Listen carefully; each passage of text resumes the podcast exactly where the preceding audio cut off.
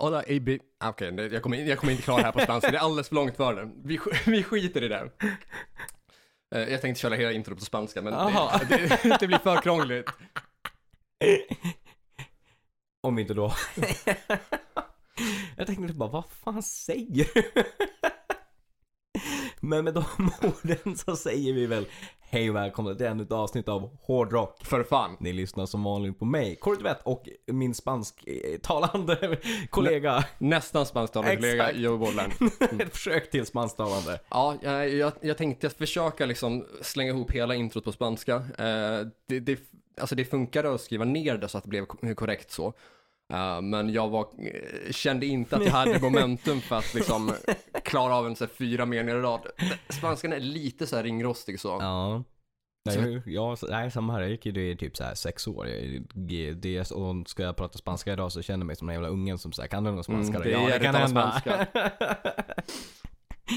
Alltså jag, jag kan den hyfsat men jag måste verkligen liksom så koncentrera mig och eh, tänka på varje ord, Ja. mer eller mindre. ja, men tappert försök. Ja, hur långt kom vi? Typ till Olla y Benvenido? Ja, någonstans, Ja, någonstans ungefär där. så långt. så det, det höll ju inte svinlångt. Ja. Men eh, vad är då tanken med det här då, funderar ni? Var, varför eh, gå- går typ början av introt på spanska och varför exakt. fanns det en tanke om att göra hela introt på spanska? ja, det är inte att vi ska slå in i Spanien som nystartad Hårdrock för fan-podd. Vi ska inte Nej, brancha ut i Spanien. nej, jag tänkte att vi där hade kunnat prova den eh, spanska titeln Hard Rock Tuputa.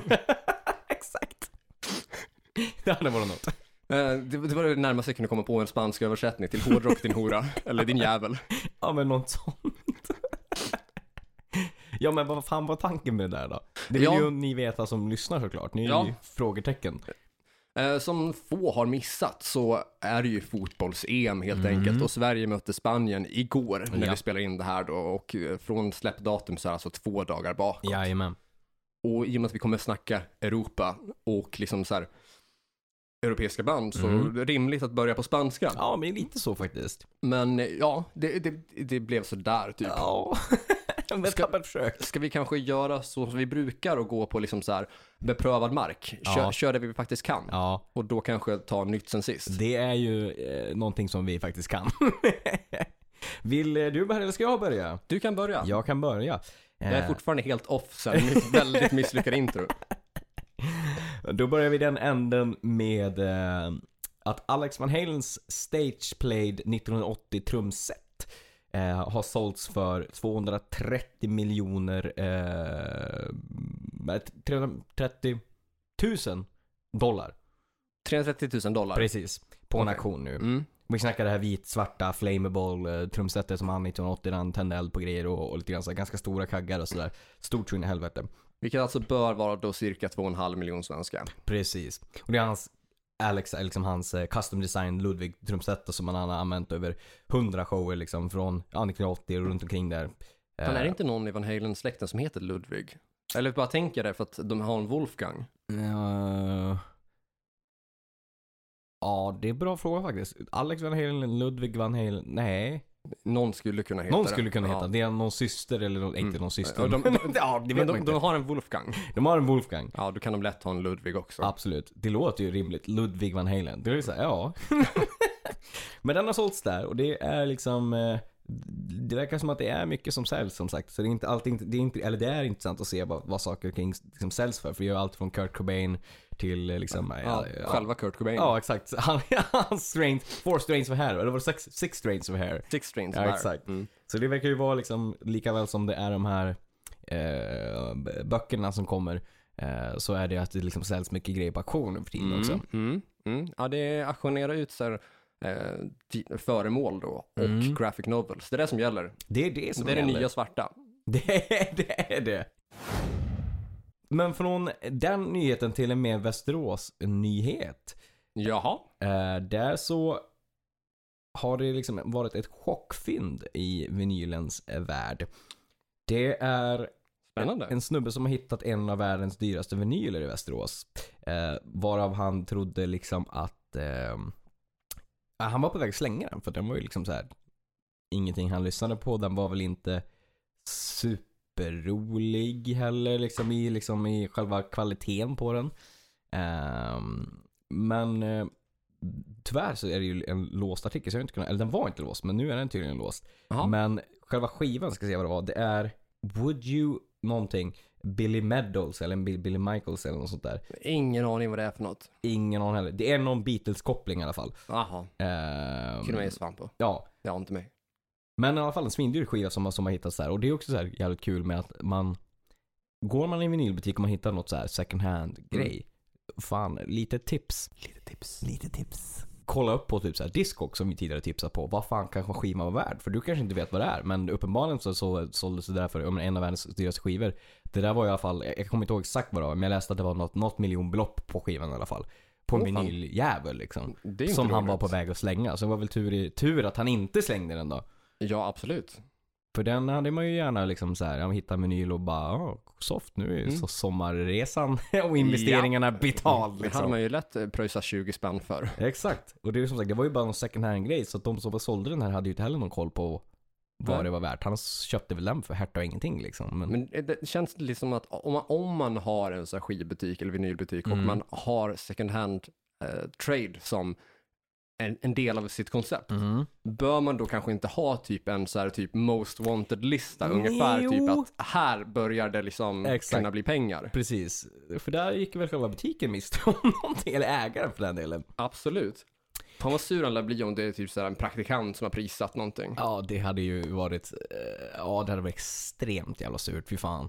Jobba på vinylbutik och man bara, ja men vad ska du ha för den här? Och titta på den och sen ris ut sin helvete, ja men 50 spänn, det blir skitbra. Ja. Och så sen så bara kommer de in till chefen och bara, du, fan jag fick såld den här jävla skitskivan liksom. Bara, vilken då? Ja den här. Man bara, ut ur min butik. Vi har ju faktiskt egentligen typ två skivaffärer i centrum här. Ja, Och den ena säljer ju typ allt för 50 spänn. ja exakt. Och ägaren har väl sagt där ganska så rakt ut att liksom eh, allt är 50 spänn. Jag tänk, Ja. ni koll, tänker inte så Nej. noga på det. Och alltså det är ju brända skivor och all möjlig skit Ja, där. det är, här, det är hejvilt liksom. Ja, man ska inte vara den som är den. Mm. Men om vi ska lägga oss farligt nära förtal så Ja. liksom Skulle jag gissa på vilken av de två butikerna som Mm. är mest troliga att tvätta pengar? Yeah. skulle, jag, skulle jag då säga att det är den butiken där allt kostar 50 spänn rakt av? Ja, eh, det skulle jag nog Mm. lätt kunna säga. Sjukast ändå. Det är så himla så svårt att registrera produkter om bara allt kostar likadant och det inte är så noga för ägaren. Exakt. Men man har ändå butik mitt i centrum, vilket säkert inte är svinbilligt. Det lär det garanterat inte vara. Nej. Att, ja, men, men mm, farligt för, för nära förtal. Ja, jag säger inte att de tvättar pengar. Vi säger inte vilka de är heller. Nej, nej, nej, precis. Det finns ju två liksom. Ja, Så det, det är ju väldigt liksom censurerat där. det är det ju. Och som sagt, jag säger bara att om jag skulle gissa på vilken av dem som skulle Ja. göra något sånt, så skulle jag gissa på att det är den där allt kostar 50 spänn. Ja, jo, 100 procent. Och där intresset från ägaren är ganska mediokert. Ja, 100 procent. Från, eh, ja, den där Lyllo-snubben som har fått sälja det där till eh, någon som vanligtvis brukar hänga ganska mycket på Twitter. Som vi har pratat om tidigare. Allt från Mhm. Twitter till andra eh, utsagor. Vi Ja. snackar såklart vår kära Sebastian Bach. Ah, mm. Han är på gång igen på Twitter. Fan vad han har sociala medier alltså. Ja, och fan vad han lägger ner tid på sociala medier. Ja, och vad, han, ja, och vad hans inlägg sticker ut. Mm, de- gör ju det. Det är, det är liksom, det är inte så mycket nytt kring att så här, när kommer nya solplattan, utan det är mer typ så här, vad fanns svara på folks kommentarer på Twitter-grejen liksom. Ja, och det, det, alltså jag har hört flera som har blivit blockade av honom också. Ja. Eh, Jag har inte blivit blockad av honom. Nej. Jag har inte skrivit något provocerande eller liksom ifrågasättande så. Jag har inte Nej. riktigt känt behovet av det heller. Nej, nej, nej. Men jag har hört om flera som har blivit det. Men framför allt typ folk som har blivit blockade av Nicky Six. Mm, Eh, just det. Men fan om inte Bach ändå skulle ha lite av ett så Trump-team Jo, som sätter stopp på hans sociala medier när det blir för mycket. jag kan känna det. det är, ibland så är Någon det som management som mycket. sätter ner foten bara, eller frågar en gång till, ska du verkligen göra det här? Ja, och det är liksom så här. Det är inte alltid jättegod ton på kommentaren. Så här. För jag, jag följer Neil Sean som är gitarrist Journey. Och han svarar då och då på Och liksom, också Hardline va? Ja, precis. Han svarar då och då på Facebook så här, kommentarer. Han lägger mest ut så här, gitarrvideos och grejer. Eh, och svarar på typ så här, folk som så här, har, det är deras åsikter och så här, men han svarar gan- väldigt så här Liksom rak, professionellt, men liksom. professionell Ja. ton. Det är Mm. inte så här du är dum i huvudet för din åsikt, men så här Nej. har de fel så har de fel, men inte så att han säger de är dumma i huvudet för de fel, utan mer typ så här, men det, så här är Man det. avvisar att, ja fast, ja, Ja. så är det inte, utan så här är det. Ja men exakt. Och Sebastian det- är ju inte lika så liksom. Nej, utan han är ju lite mer egocentrisk av sig och kanske inte alltid känd för att ha det bästa humöret. Alltså Nej. inte så att han är kanske det största aset inom uh, rockgenren så, Mm. men eh, för uh, ganska hett temperament och eh, ett hyfsat stort ego. Ja, Inte Gene Simmons storlek och inte lika kanske typ, ja, vad ska man säga, det? inte lika eh, obefogat som Gene Simmons. Eller, nej, precis. med tanke på typ Gene Simmons inte superbreda musikaliska talang så. Eh, nu, nu har jag, alltså, han har ju byggt Kiss varumärke svinbra 100%. och allt sånt där. Mm. Så det backar jag honom till 100%. Ja, yes. Men det har väl varit mycket perioder, eller framförallt under 80-talet, Ja. där han bara har glidit på att Paul Stanley är bra på Ja, ja. sång. 100 procent. Och Så är Paul. Stanley skriver starka låtar. Ja, ja men absolut. Men kring Sebastian här då, det det handlar om är ju, eh, och det här känns ju som någonting vi har läst tidigare också, men sen, ja, men vi kommer alltid tillbaka till det här att det var något fan på Twitter som hade liksom, som de då har skrivit emellan Sebastian då och de här fansen. Eh, och det handlar ju kring songwriting credits på, alltså Skid Rows första platta liksom. Ja, där Bach bara är krediterad för typ en låt va? Ja, jo men på första är han nog det. Han är Mm. nog mer på, typ så kanske till och med fem spår på, på Slave. Slave to the Grind, ja precis. För där har han ganska stor, Ja, hyfsat stor roll. precis. Och han har kanske runt fem Ännu också. mer på, Eller mer jag skulle säga på att det, Subhuman. ja, Ja. Men kring liksom, ja, på det första där, då, då är det det liksom handlar om. Och ja, alltså det börjar väl rätt så här Mm. lugnt så här. Ehm, och då, han är liksom, det hade en Netflix fans liksom, It's hard to eh, say a guy made a band eh, who they were when he, he didn't write anything on their biggest selling album. You get another good vocalist and you probably have the same results. Och då hade ju Sebastian blivit liksom triggad och skrivit Mm. liksom Hey stupid, you do realize the song credits are on the album right? Can you read? mm. Ehm, och liksom refererat och liksom så här, hade någon också så här. ja fast där, så- Bach är ju bara krediterad Ja, för en låt. precis. Så Och är det det. är typ, jag undrar om det är typ Making a Mess eller Here I Am. Det är någon Ja, av, Making a Mess tror jag, ja, Mm. Eh, och så hade någon skrivit också att fans need to move past eras och då hade Bash eh, liksom svarat liksom att fans have moved past eras. They started back in 1996 Jackass. You can either listen to Angel Down, Kicking and Screaming or And Given Hell, Mm. referencing his last three solo albums. Or you Mm. can listen to Rise of the Damnation och alla de grejerna. Mm. Eh, och liksom så här bara välja vad du vill liksom lyssna på. Och sen Mm. så börjar det ju liksom eskalera. Folk, folk fortsätter ju kommentera kring det här. Ja, det var inte så att han eskalerade hela situationen genom hans sätt att svara på. Eh, Nej, exakt. Och det handlar ju fortfarande om, om liksom låtskriveri. Och då hade någon sagt att uh, Bash wrote none of the songs of their biggest selling album, which is comment and he responding to. Ja, Um, Okej, ja fast det, det är faktiskt, alltså det är ju rent tekniskt fel. För han Exakt. är ju krediterad på minst en. mm, Och det har varit prat om huruvida han borde varit krediterad på kanske typ en eller två låtar till på grund Mm. av att hans eh, röst och liksom sångteknik Precis. skapade typ tonartshöjningar vid, vid ställen där det inte var tonartshöjningar innan han klev in i bandet. Exakt. Så att låtarna faktiskt ändrades liksom, ja, åtminstone delvis, även om inte partierna skrevs nej, om, nej. så förändrade det ändå hur låtarna lät. Så är det ju. För det är Man det bytte ackordföljderna typ. det är det han kommer till också. Mm. Men det är hur han säger det. Och bara, Sebastian har liksom sagt Read the credits you fucking idiot. I wrote Mm. the song making a mess and every single high note on the first Skid Row record. Ja, I was- Making a Mess alltså. Ja, precis. When I was 19 years uh, old. Do you Mm. think anybody wrote the screams in Ain't No Life other than me? Why don't you go listen to the guy before uh, singing before me on YouTube and shove that video up your ass? Ja men såklart. Mm. Och så fortsätter han liksom säga Hey you dumb fuck, I co-write five songs on Slave to the Grind. If you could learn to read, you would know this. I co-write five songs on Subhuman Race. So shove that up your ass too. Go listen to my solo records and uh, records they make without me. Have a great time. Och bara, han bara, du vet så här, fortsätter kommentera och det är fortfarande, alltså det är fortfarande samma ämne. Men fortsätter att kommentera liksom. Och man, någonstans här borde det räcka med de första kommentarerna med liksom så här fakta liksom. Att säga, jag, co- jag skrev de här Mm. och just det här med, med tonen liksom, eller Mm. hur han sjöng grejerna. Om man Mm. jämför med Matt Fallon. Mm. Det är ju sant liksom. Ja. Men sen så eskalerar det och det är så här, du, du har ju sagt det du vill ha sagt. Och behöver man, du vet ju att det är sant och jag menar fans som är typ så här riktiga hardcore-fans eller fans generellt Mm. borde ju veta det här och vet det här. Sen att det är några snubbar som så här gömmer sig bakom en skärm på Twitter, är det värt att lägga ner tid på? Istället för att typ fokusera på att spela in nya solplattan. Mm. Alltså det finns ju bättre sätt att använda sina sociala medier på. Ja, det gör ju det. Och typ så här, det, det blir ju liksom att typ så här, Sebastian blir ju, för då, både så här Sleaze och framförallt typ så här Blabbermouth och så skriver så här om det här. Ja, ja, de är ju taggade Ja. på att... Och då blir det ju att så här, det, är- det är inte bra för varumärket. För det blir ju att Sebastian är den här egocentriska som är, ja men lite Trump-grej att så här, fan vad du är på Twitter hela tiden. Måste du vara på Twitter? Eller om du nu Mm. är på Twitter, måste du vara, kommentera varenda jävla kommentar? Ja, och liksom kan man typ försöka hålla typ Tänk- ton ja, lite grann vid eventuell kritik så. Ja, och det tror jag Mm. hade gynnat honom om som du säger, han hade haft något team som bara, men typ bolaget Mm. eller vad som helst. Man Liksom sparkar liksom bakut så fort det är minsta Exakt. lilla.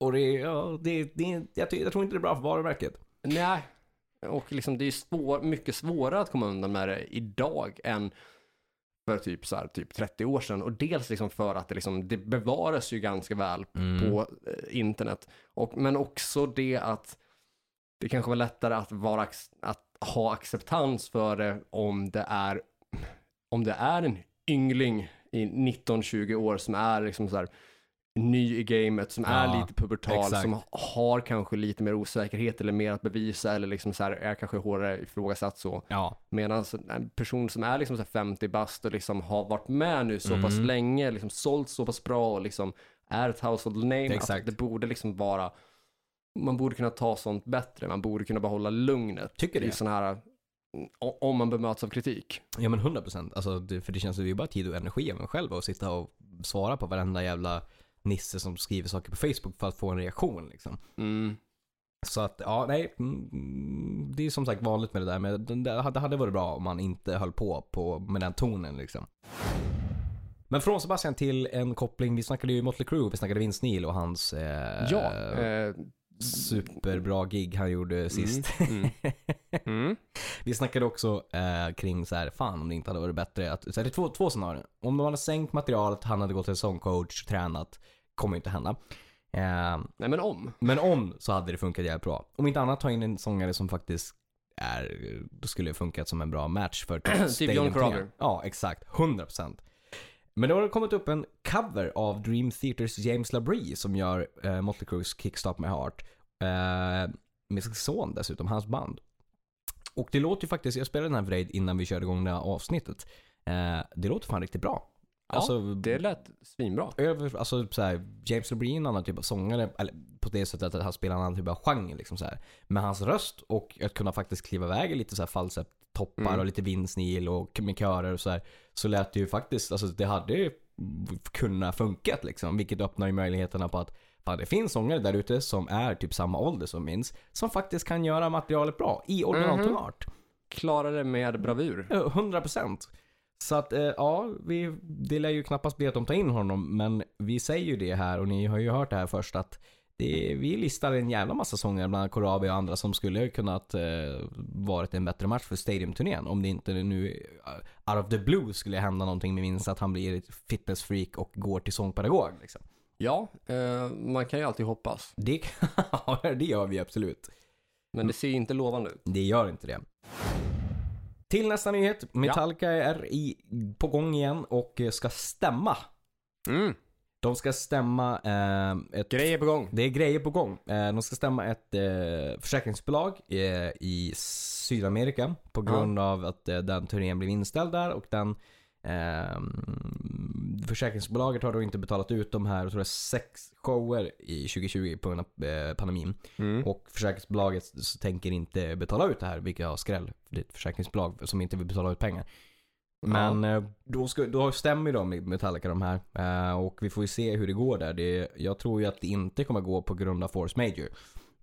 Nej, det är ju faktiskt fullt möjligt att det blir så. Ja, även om Metallica är, liksom, har pengar och det är liksom, jag tror att i det här fallet för sex shower och det är försäkringsbolag och jag menar försäkringsbolag har mycket advokater och ofta i kontraktsmässigt när det kommer till gig och grejer så är det ju Mm. force major som är Ja. oftast det liksom man kan hävda liksom. Ja, och för den oinsatte så där force major är väl för acts of God. Ja. Eh, Eller liknande. Ja. Att när det är någonting så här extremt som sker som är verkligen utom allas kontroll. Exakt. Att då liksom, då gäller typ inte riktigt Nej, avtal. precis. Och liksom så här, hade det varit att de hade konkat liksom, eller Mm. sådana saker eller att de har sålt dåligt och behövt ställa in sig. Men nu är det ju någonting som de, mm, jag menar, det här styr ju inte någon över. Ingen förväntar sig att pandemijäveln skulle slå på det här sättet. Nej. Och då är det ju verkligen rimligt att kunna säga force major. Mm. Så jag tror inte det kommer gå igenom, men vi får väl se. Metallica lär väl ligga i där. Ja, jag funderar, försökt, har Metallica försökt stämma den svenska bussföraren? Eller bussbolaget i Sverige? Det, ja, eller? Eller var, var, var det innan de hade kommit på att de kunde stämma folk? Det kan ha varit innan. Det är någonting för Lasse att kolla på. Det är, det är någonting som man kan gräva upp där. Det hade ju inte varit orimligt, men det kan vara kanske innan liksom hela den här, åh, vi kan göra på det här sättet. Va, vänta, ingen har stämt här. Nej, exakt. Hallå, varför tänkte vi inte på det här? På med stämningskapseln.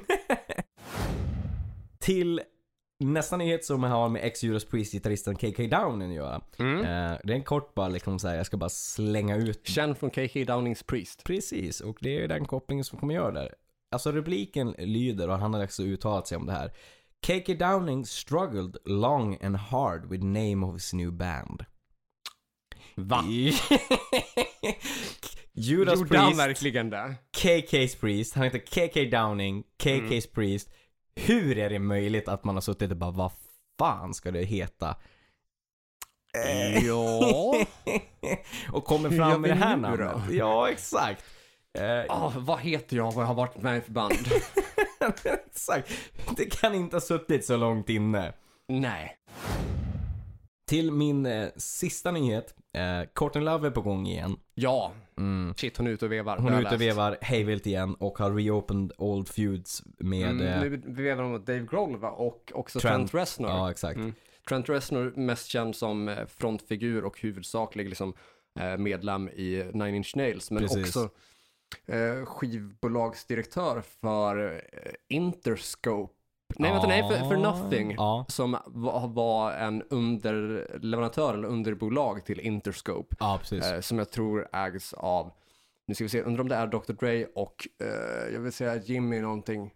Och eh, in, i brist på bättre, Jimmy, nå- någonting judiskt. ja. Um, Le, Levin? Ja, L- ja, Kan det heta så? det tror jag absolut. Det är, Möjligt. det är Judiths efternamn. Så Ja. att, ja. Det kan det absolut Något vara. sånt. Någonting sånt. Men det, hon har, det, det här är ju saker som hon har i 25 års tid hållit på att slänga ut. Det är liksom så här, hon anklagar dem för att vara jackasses och accusing them eh, of a soul shattering level of personal and cultural abuse.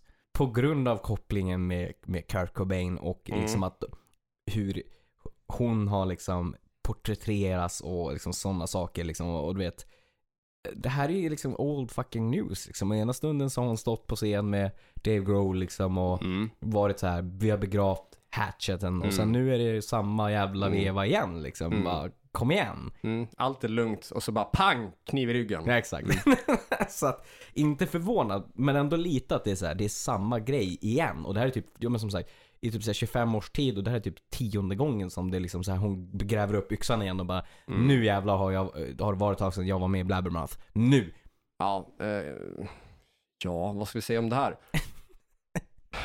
det, det känns ju lite sådär typ när Courtney Love var ute och vevar. Ja, För att det är ju liksom, ja men lite som att det lokala fyllot på stan är ute och Mm. skriker på en. exakt. Jag det är menar, ju det. Man, man hör ju att personen skriker, man Mm. ser att den är arg, men man tar ju inte till sig. För det saknar ju liksom trovärdighet Ja. och det är ju liksom ingen som lyssnar. Nej. Var, varför ge personen i fråga ett liksom eh, medialt utrymme? Nej men lite så faktiskt. Jag menar till och med alltså Courtney Loves dotter Mm. eh, som hon har tillsammans med Kurt. Cobain då eh, har ju tagit avstånd från Courtney Love. Mm. Menar, Courtney det. Love var inte ens in- inbjuden till eh, Frances Beans eh, bröllop Nej. liksom. Exakt. Alltså en, en sån grej. Ja, det, det säger en del liksom. Ja, Det gör det verkligen. men om inte ens ens barn har, eh, ger Nej. en tillit eller trovärdighet, Mm. eller den, för, för den delen ens uppskattning så, så var, det, det säger en hel del om Courtney Love. Det gör ju tyvärr det. Det var tröttsamt att det är liksom samma grejer som kommer upp igen liksom.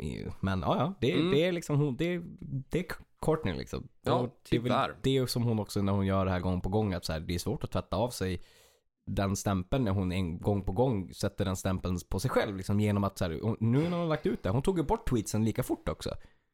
Ja, och det säger väl kanske en, en del om Ja. innebörden av dem och hur mycket liksom grund det fanns för de, de olika uttalanden som hon gjorde. Nej men exakt. Men det var mina nyheter. Ja, jag har typ inte svin mycket nyheter. Nej. Jag hade den om Courtney Love. Mm. Eh, jag har från Kiss Camp där man har börjat visa bio, The Kiss Story Biography, Ja, ja. eh, som arrangerar utomhus då. Eh, det är på en scen med eh, liksom, eh, storbildsskärm och stora högtalare och Ja, just det. eh, de här Kiss-logotyperna i, eh, ja vad heter det för någonting? Med, med olika blinkande lampor i alla fall Ja, helt jo. enkelt. Så man har de där lo- logotypskyltarna Ja, som man ändå precis. använder på scen så. Och har arrangerat coronavänligt med rimligt avstånd och antal stolar och sådär. Ja, just det.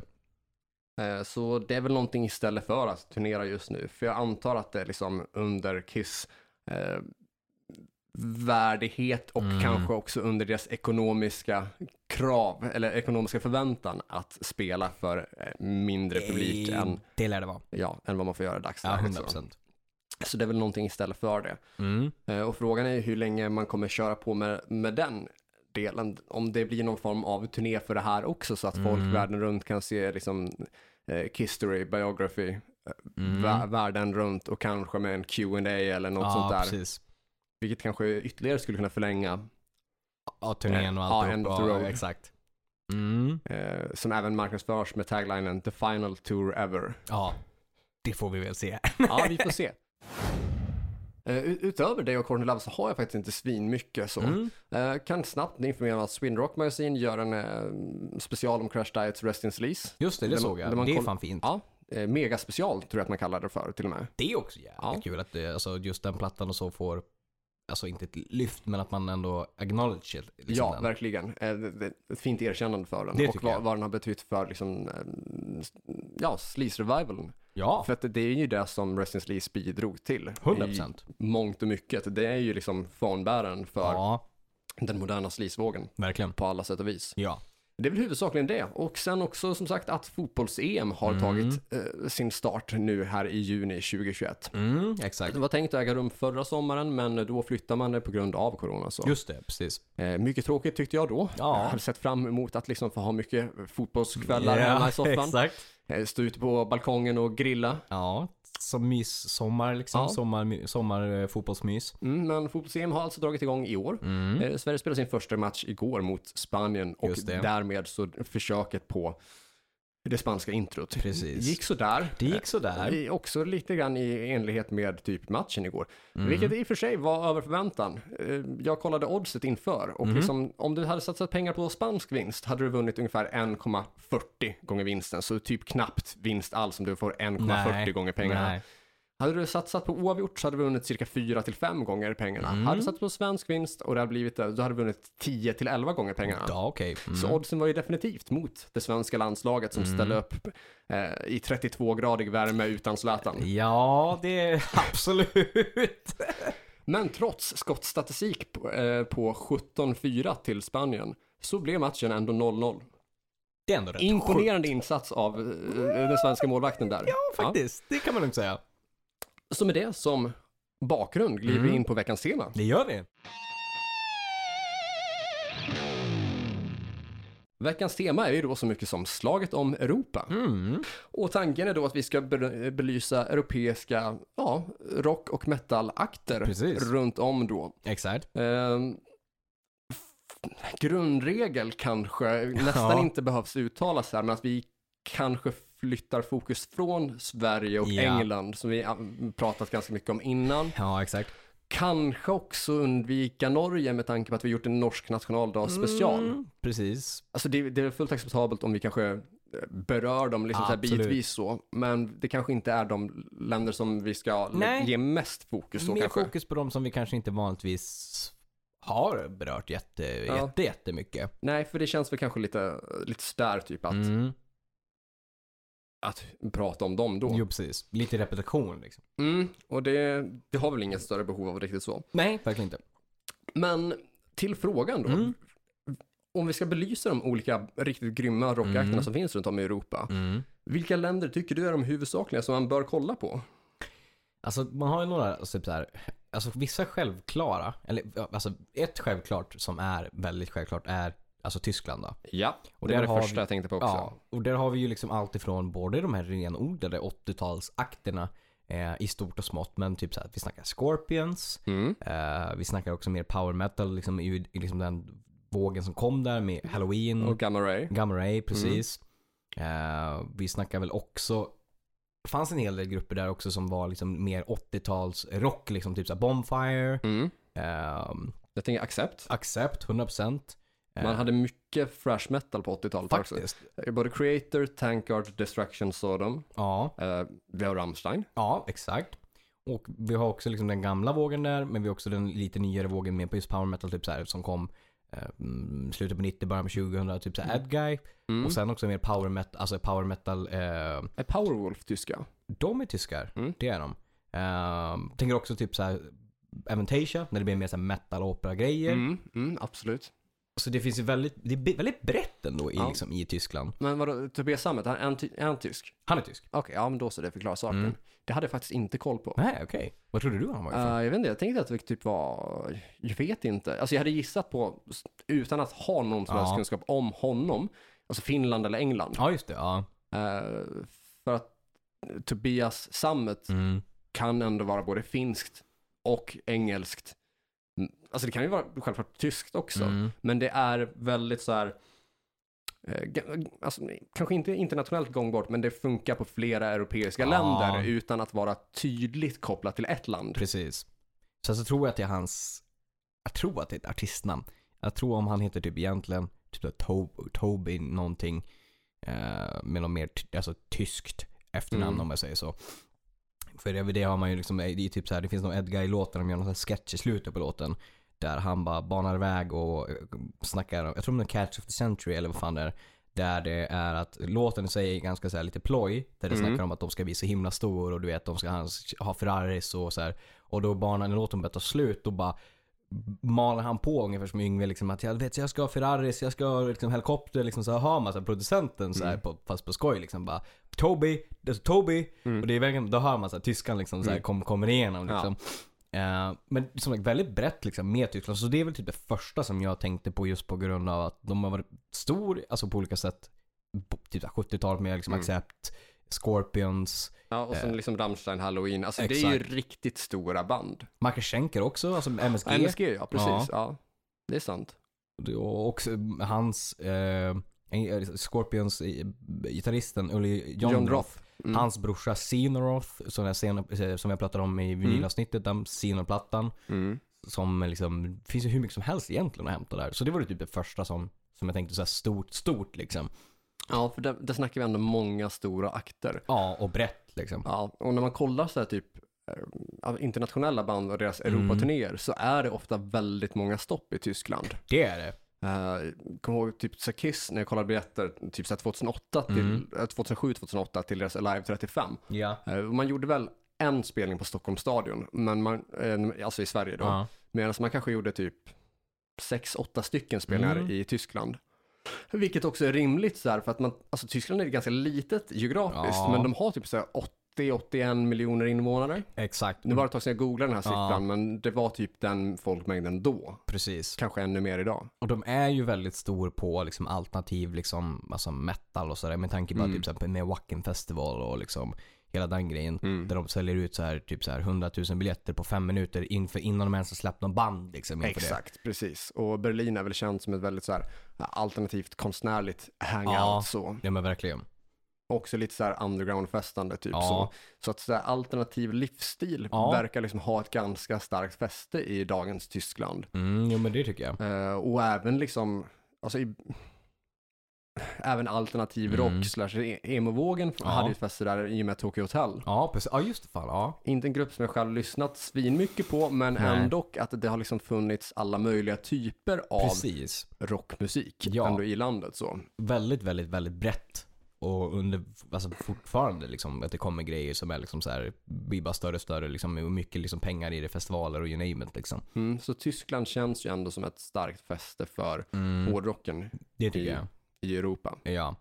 Vad tänkte vi därefter då, liksom landsmässigt? Ja, alltså nu, nu blir det ju lite väl familjärt, men Mm. den näst största som jag kom på efter Tyskland är ju ändå Finland. Mm. Och där har vi alltså dels personliga favoriter i form av Shiraz Lane och Santa Cruz då, Ja. eh, och även Reckless Love, men också liksom internationellt stora band Mm. i form av Nightwish, Lordi, Children of Bodom, Mm. Him, ja. Sonata Arctica, ja, det är väldigt, väldigt mycket. Apocalyptica, Six Ja. Nine Eyes, eh, men även Hanoi Rocks Ja, absolut. och dessutom Darude. Icke att Ja, förglömma icke att förglömma. Det har vi ändå pratat om i något avsnitt om det finska nyåret när de också Ja. firade 100 år som independent och man Precis. spelade Darude på eh, något stort torg i Helsingfors. Verkligen.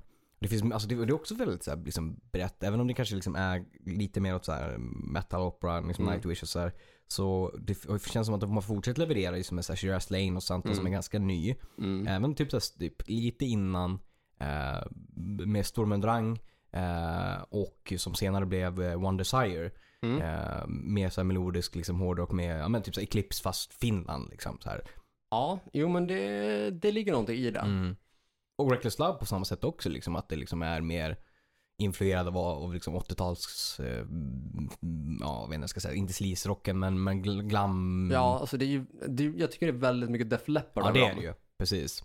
Eh, och också lite Van Halen över det. Ja. Men det är väl kanske främst liksom eh, Olivers eh, kärlek Ja. där till David Lee Roth Ja, som lyser igenom. precis. Men soundmässigt kanske närmast ett Def Leppard typ. Mm. Ja men jo, men det tycker jag. Och sen tror jag väl också att Bombfunk MC är finska. Ja. De som hade låten Freestyler. Ja, är det fan sant? Barndomsklassiker. Ja, och nu senast också, om jag kommer att tänka på som kom, kom tre eller femma, eh, det här finska bandet som... eh, Ja, var med i Eurovision. Exakt. Mm. Som jag nu har helt glömt bort vad de heter. Jag kommer inte heller ihåg vad de heter. Men eh, de var ju lite mer typ såhär new metal-ish. Så, här. Mm. Så det, och det kom ju fortfarande nya saker därifrån ändå. Liksom. The Rasmus var finska The? Rasmus är finskar, Ja. precis. Jag trodde de var svenskar som att jag heter Rasmus och så. Ja, mm. när jag var liten. Vad sjukt ändå att deras bandnamn är The Rasmus. Ja, alltså- Den Rasmus, eller Rasmusen. Ja, exakt. det, kanske inte... För det är inte ett ord va, på något språk? Nej, det är Nej. liksom the och så sen ett namn liksom. Är det någon i bandet som heter Rasmus? Mm, jag tror jag googlade för ett tag sedan. Jag tror inte det. Nej. Antar typ, typ att typ sångare heter det, men jag tror fan inte han gör det. Jag undrar var namnet kommer ifrån liksom. Ja, det The Rasmus. Exakt. De bara, "Det- han. Ni vet ju han. Ja, exakt. Nej. The Torkel. exakt. Eh, men sen så, tycker alltså nu blir det också lite mer, men jag Mm. här, måste ändå koppla. Men jag tänker så här, Norge har vi pratat ganska mycket om, men Danmark ändå. Ja, ja, men Danmark förtjänar faktiskt att Det lyftas tycker upp. jag. Och det finns mycket, jag såg typ så här om det var Rockbladet eller så, eller så vilket tycker ni är, är en av de mest underskattade banden, typ som kanske förtjänar att vara större än vad de är. Mm. Och jag, det har jag ju liksom slå- slått för förut, men jag tycker att Pretty Mates är ett Mm. par sånt band som borde varit större, som ändå varit med sedan början på 80-talet, haft stora hits, hämtat sig igen med 2000-talsvågen med, med Pandemonium som de släppte 2010 och sen liksom framåt. Mm. Eh, och det finns liksom, förutom dem, så är det vi snackar D&D Mm. eh, vi snackar White Lion, ehm, med Mike Tramp som var ju dansk då. Yes, och jag har även skrivit ner Volbeat, King Precis, Diamond, Merciful. Fate. Och även Myrkur, Ja, Aqua. ja det, ja, det är fan sant. Och icke att förglömma Lars Ulrik från Metallica. Ja, 100%. Han är ju dansk. Mm. Det, det får man faktiskt ändå ge honom. Ja, och det känns som att så här, det är ofta så här, vi pratar Finland, vi pratar Norge och, är, och typ Sverige. Mm. Men, Men, Danmark har vi inte belyst särskilt mycket. Nej, alltså det finns liksom väldigt mycket liksom att hämta därifrån danska band som är liksom så ändå stor idag. Liksom, just med typ så här Volbeat och fortfarande liksom så här, varit stor liksom så här, som King Diamond och Merciful Fate liksom Ja. och sådär. Men ändå haft liksom betydande roller inom Ja. hårdrockens historia så. Ja men verkligen. Eh, Sen funderar jag där, undrar hur mycket jag har pratat om Danmark i podden överlag. Jag tänker där, jag vet att det är ett bonusavsnitt Mm. eh, på avsnittet kanske våra första band. Där pratar jag Mm. om en anekdot från eh, ett slagsmål eh, i eh, kön till pulserkiosken. Ja, jo det, det tror jag vi har tagit i bonus ja. Mm. Eh, och också att har vid något tillfälle i något avsnitt pratat, att vi pratat om Baywatch. Och Ja. att jag aldrig har sett Baywatch, alltså på tv någonsin, alltså inte ett enda program, Nej. eller inte ett enda avsnitt så. Men att jag på den danska rockklubben High Voltage eh, kommer ihåg att herrarnas toalett och damernas toalett var markerade med tavlor då och på herrarna så var det just en tavla på David Hasselhoff och Ah. på damernas var det en tavla på eh, Pamela Anderson. Ja, just det fan. Ja, precis. Undrar om det kan ha varit någon som vi snackade med seriemördarna kanske. Det kan man ha gjort, det tror jag. Det, det känns som att eventuellt pratat där kanske med Erik. Det känns som att vi åtminstone var fler personer närvarande när ja, det men jag, diskuterades. jag känner igen det. Ja. Ett till band som jag kommer, från, kommer ihåg från eh, Danmark, som ändå är liksom så här, de kanske inte var asstor, men de fick ändå en revival via, när de släppte sen, de också typ så här runt 2010. Mycket plattor som Frontiers plockade upp och släppte och så här, som fick en revival runt 2010. Mhm. Eh, och det är Fate. Okej. Eh, riktigt bra så här melodisk och hårdrock. Alltså de var väl typ så här om man tänker samma era som eh, Europe och typ så här 220 volt och det Mm. så här, och hamnade väl kanske lite grann i typ skynden av både typ Pretty Maids men framförallt typ Europe liksom. För Mm. det var mycket åt det hållet så här. Men som är riktigt bra och deras platta som de släppte, men det var, men det var 2010. Så här, med bra prodd och så här, riktigt, riktigt bra melodisk liksom så här, men som aldrig riktigt slog med tanke på att om man tänker att den plattan är svinbra från 2010, de var så här fram och tillbaka på 80-talet liksom så. Mm. Men också till liksom, de, alltså, de höll ju på väldigt länge liksom så här som ändå föll i skymundan. Men mycket bra band som kom liksom i den eran. Mycket mer så här melodisk hårdrock. Men ändå metal som kom typ. Och Mm. alternativ, ja men D&D, så här, alternativ cowboysare rock typ så här. Ja, fast jag satt och tänkte lite grann på liksom, de, de mönster som ändå finns i de här länderna vi pratar om. Ja, I Tyskland, så där har det ju varit väldigt starkt fäste för power metal Ja. och thrash metal. ja, Medan i Finland, där har det haft ett ganska tydligt fäste för eh, symfonisk Ja. metal och också bitvis sleaze. exakt. Medan Danmark är väldigt spretigt. Ja. Och egentligen har du Volbeat, Ja, som är någon form av typ rockabilly, Ja. country metal. exakt. Du har liksom King Diamond och Merciful Fate, Mm. som jag inte riktigt vet vad vi sätter in för, för, för genre. Det är fan, ja så det är ju inte, det är inte power metal och liksom, Nej, och det inte, Men alltså det är någonstans mellan typ heavy metal och kanske jag, jag funderar på om de skulle kunna räknas som bitvis till Doom stundvis. Ja men faktiskt. Vissa låtar. Det är väldigt mycket fusion på dem liksom. Ja. Väldigt mycket hög grejer Men Mm. instrumentala kan ju vara alltid från såhär, Nimicky Diva med liksom såhär, alltså mer matande, snabba kaggar till att det är väldigt långsamma och väldigt Ja. såhär, dynamiska Och grejer. lite som så är här rituellt. lite, Exakt, så Mm. lite mer såhär Candlemass Doom Mm. åt det hållet typ såhär. Ja. Och sen som, som sagt Lars Ulrich från Metallica, då, Ja. då i form av thrash. Eh, Mirkur som ändå eh, folk möter black metal. Mm. Och Aqua på det liksom. Exakt, det är väldigt, Så väldigt spritt liksom. Ja. Ja. men det är det ju. Att det, det liksom, de har många stora artister men Ja. att alla typ drar åt olika håll. Precis. Och vet fan vad det, det beror på liksom. Att, Ja, nej. Det är inte, och det är också ett ganska så här, inte jättestort land Nej, heller, precis. Liksom, så här. de har inte svin mycket folkmängd. Alltså jag Nej. tänker att Danmark har kanske 3-4 miljoner invånare. Jag Ja. kan ha fel men jag, Nej, jag men jag tror att att det de ligger typ. någonstans där. Faktiskt. Jämfört med de 80 miljoner som Tyskland har och så Exakt. är det liksom ändå nästan bara Ja, pow- power precis. och thrash liksom typ. Man tycker att det är mycket som skulle vara format i samma våg när det är Mm. mindre länder liksom. Ja, precis. Att det är liksom mer beroende av Ja, varandra. exakt. Att det är en inne-grej eller en innegenre där typ, Men som slår. faktiskt, så det är ändå imponerande. Det är så jävla brett liksom. Typ så här att visst om Pretty Mates till exempel var lite mer åt melodisk hårdrock så var de ju samtidigt typ så här med hans typ distade röst, när det kom första plattan. Det var typ Mm. nästan mer åt så här growl-hållet typ en kombination av snygga syntar och typ Mm. så här lite mer shreddiga gitarrer. Så det, var, det är mycket fusion liksom ändå. Ja, det är det verkligen. Och liksom, jag tänker, när det kommer till det ge- geografiska, Mm. liksom så här, olikheterna som finns i dan danska campet, Ja. bara jämfört med att vi i Sverige har en grej som kallas för liksom the Gothenburg sound. Exakt. Där det är liksom väldigt, Väldigt specifikt. Att, ja, men Ja. från den här staden, då låter det så här. Liksom. Jajamän.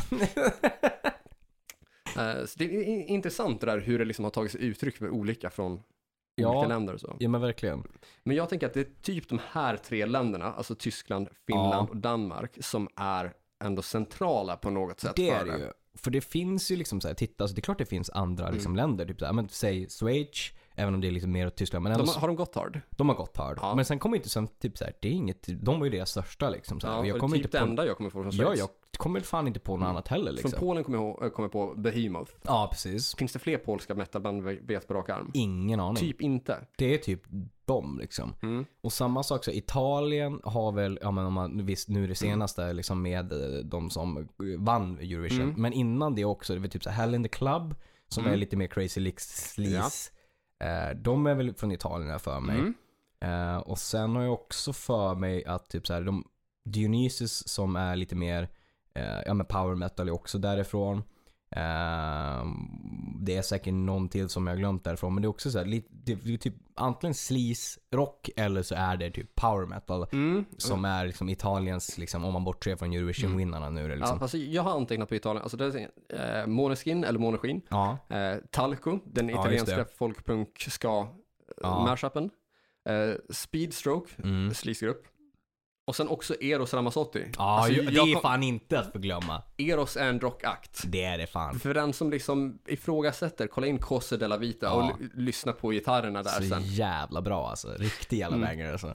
Det hade kunnat varit en Guns Roses-låt. Det hade fan det. Det hade kunnat ligga någonstans mellan typ eh, A Strange Civil War och Knocking on Heaven's Door. Eh, Precis. Vi är medvetna om den sistnämnda en cover, men ändå den hade kunnat flytit in bra där med Slash Mm. Harry och Axl Rose på sång. Faktiskt. Men det har du fan rätt i. Ni hörde det här först. Ni hörde det här först. Men som sagt, det är väl de som, de länder som vi nämnde tidigare som är de mest liksom, centrala, eller de som är som mest bred och stor och haft fått hitband liksom. Och Ja. det, det finns ju liksom andra band på Mm. det sättet, typ så här, som man då, alltså eftersom att typ, det lär garan- garanterat finnas fler liksom mindre som ändå är typ ett ish-namn på grund av front just eh, liksom, eh, Records ligger ju ändå, är ju ett italienskt bolag. Ja, just fan, det är sant. Det är italienskt bolag, ja. Så Det, ju- glömmer man lätt. Ja, man gör fan det, för de är ju ändå rätt stor liksom. Ja, de har ju typ det mesta ändå. Ja, och haft allt ifrån liksom mindre band som antagligen är italienska till allt Journey har väl de haft också? Journey har Ja. legat där, Whitesnake låg där, Sebastian Bach låg där. Ja, Mycket liksom eh, hejvilt i akter ändå liksom. faktiskt. Eh, det måste man ändå ge dem, att Italien Faktiskt. verkar ändå vara, alltså det verkar nog vara typ fjärde plats. Ja, men jag Idag. tror också att Hardline i grunden är italienska. Oj, okej. Jag tror, för jag tror att Johnny Gioli är italienare. Ja, det låter i och för sig rimligt med ett sånt efternamn som Gioli. Ja, och typ han och någon till i i originalstommen och sen blev de, att de var ett italienskt slärt amerikanskt då med Neil Sean. Mm. Eh, och så var det någon till från Journey, om det var keyboardisten Jonathan Keynes eller något sånt där som var med också från början. Mm, mm. Ja, okej, ja, men det låter ju faktiskt fullt trovärdigt. Mm. Nu när du säger det. Men liksom så här, nu när vi ändå har strykit Sverige, Norge Ja. och UK från listan, så Mm. då känns ändå f- Italien som förvånansvärt fyra. Det, Det- hade man inte räknat med för några år fast sedan, att man faktiskt. skulle liksom tänka på det som ett så högt Nej, eh, uppsatt, liksom så här framgångsrikt metalland eller rockland. Nej, nej men precis. Och väldigt mycket, liksom, så här, framförallt idag, väldigt mycket melodisk AR eller melodisk hårdrock som pumpas ut därifrån liksom. Och slash lite sleaze typ så här. Mm, faktiskt. Så det är ändå rätt imponerande. Man, för man tänker inte alltid, som du säger, det, det första man tänker på Italien är hårdrock liksom. Nej, det är ju liksom inte. mer kulturutbud i form av vin och typ, ja ändå Ja. er, Eros liksom. Ja, Eros, absolut Eros. för Andrea Bocelli är ju inte italiensk, han är väl grek har jag för mig. Det vet jag faktiskt inte. Jag kan inte Också mysig det. sommargrej Mm. att lyssna på. Micke Di är väl grek? Grek-svensk? Greksvensk? Ja, Mm. men det är han väl? Mm. Ja, faktiskt. Men har vi... Oklart vad han heter egentligen, Ja. men det är väl något såhär... Mm, Mikadokulus. Något sånt skulle jag tro.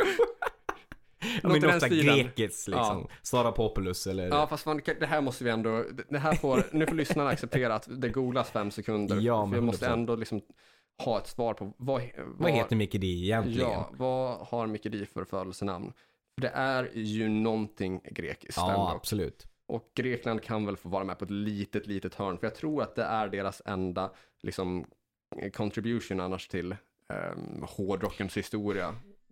Ja, Att det är just Micke Di så. ja, Heter ah, här ska vi se. Eh, heter egentligen eh, M- M- Mikael Kyriakos mm. Delaoglu. Jaha. Ja men det låter ju väldigt Ja. grekiskt. Mm, Kyriakos Delaoglu. Ja, Mm. okej, Då rimligt. vet vi. Då, ni hörde det här först.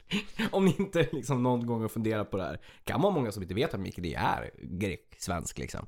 Ja, men om de inte visste det så vet de det nu i alla fall. Jajamän. Eh, ja, ska vi kanske informera då att vill ni höra mer av det här och Mm. kanske med en annan approach så kommer vi att diskutera vilket land som egentligen är mest hårdrock i bonusavsnittet nu på Hårdrock för fan. Precis. Där vi kanske diskuterar, ja, eh, bland annat Rumänien och Ungern kommer lyftas upp i Ja. nytt ljus på oväntade sätt. Precis. Eh, Det kommer kanske bli lite anekdoter från eh, spanska rockbarer och diverse Jajamän. tillställningar som kan ha skett eller inte skett. Nice. Eh, kanske blir mordhot också, vi får se. Åh fan. Ja, Det är alltid kul. det är en av få gånger som blivit mordhotad på riktigt typ. ja, Eh, precis. Men det, det, det tar vi i ett bonusavsnitt. Det låter bra. Men eh, veckans tips då? Ja, jag tror inte jag har tipsat om det här. Okej. Eh, jag, jag är inte helt hundra. Nej. Eller har jag det? Jag vet inte fan. Jag kan ha tipsat om det. Mm. Har jag, jag, men jag skulle vilja tipsa om Shura låten Out There Somewhere. Eh, som jag inte tror att jag har Jag tipsat om. tror inte det. Den är med på deras första singel när de var osignade då. Just som sedermera ledde till eh, epen Be the Slave or Be the Change. Mm. Eh, och för den som inte hört Shira Lane så är det typ modern sleaze möter The Darkness. Mm, Så mm. Ja det- men det är fan en bra, faktiskt. Mm. Det är som bra liksom liknelse. väldigt så high pitch sång, Ja. väldigt eh, gäll falsett men som är jävligt kontrollerad och snygg. 100%. Eh, I kombination med lite så här uh, Guns slash Skid vibbar. Ja, jo, 100%. Ja men det är riktigt Så bra. det är mitt veckans tips. Vad är ditt veckans tips? Snyggt. Eh, ett nytt släpp från Duncan Jones faktiskt. Eh, och det här verkar vara en, eh, en ledande grej som folk gör nu, men det funkar skitbra. Den Är det låter, graphic novel? ja, nästan så. Låten heter Saturday. Eh, riktigt bra. Alltså, du vet, enk, du får vad du förväntar dig. Det är en lördagsdänga. Ja. Och det som är så kul också, för typ så här, två veckor innan det så släppte ju Clips sin Saturday Night. Mm. Så det verkar vara en, en röd tråd med att så här, fredag, eh, lördag är den nya fredag nu. Ja, lördag är nya svarta. Ja, Lördag är den nya graphic noveln. jajamän. Ja men fint. Men då så, då... Kul med en röd tråd där. Det är fan kul med en röd tråd. Bli Patreons. Patreon.com slash hrffpodcast. Mm. Eh, gilla Facebook-sidan, det du hårdrock. För fan. Eh, eh, prenumerera på YouTube-kanalen, det vet du hårdrock. För fan. Eh, följ din Instagram där du heter Korvett och din Instagram, där du heter. Joey Bordline. I bägge fallen ett ord, inga punkter, inga mellanstreck, inga... eh, Krusiduller. Nej, alltså utan det bara är helt ja, enkelt. det bara är. Skicka ett mail till hrffpodcast.gmail.com. Nytt avsnitt nästa vecka. Fram till dess, lyssna på hårdrock. För fan.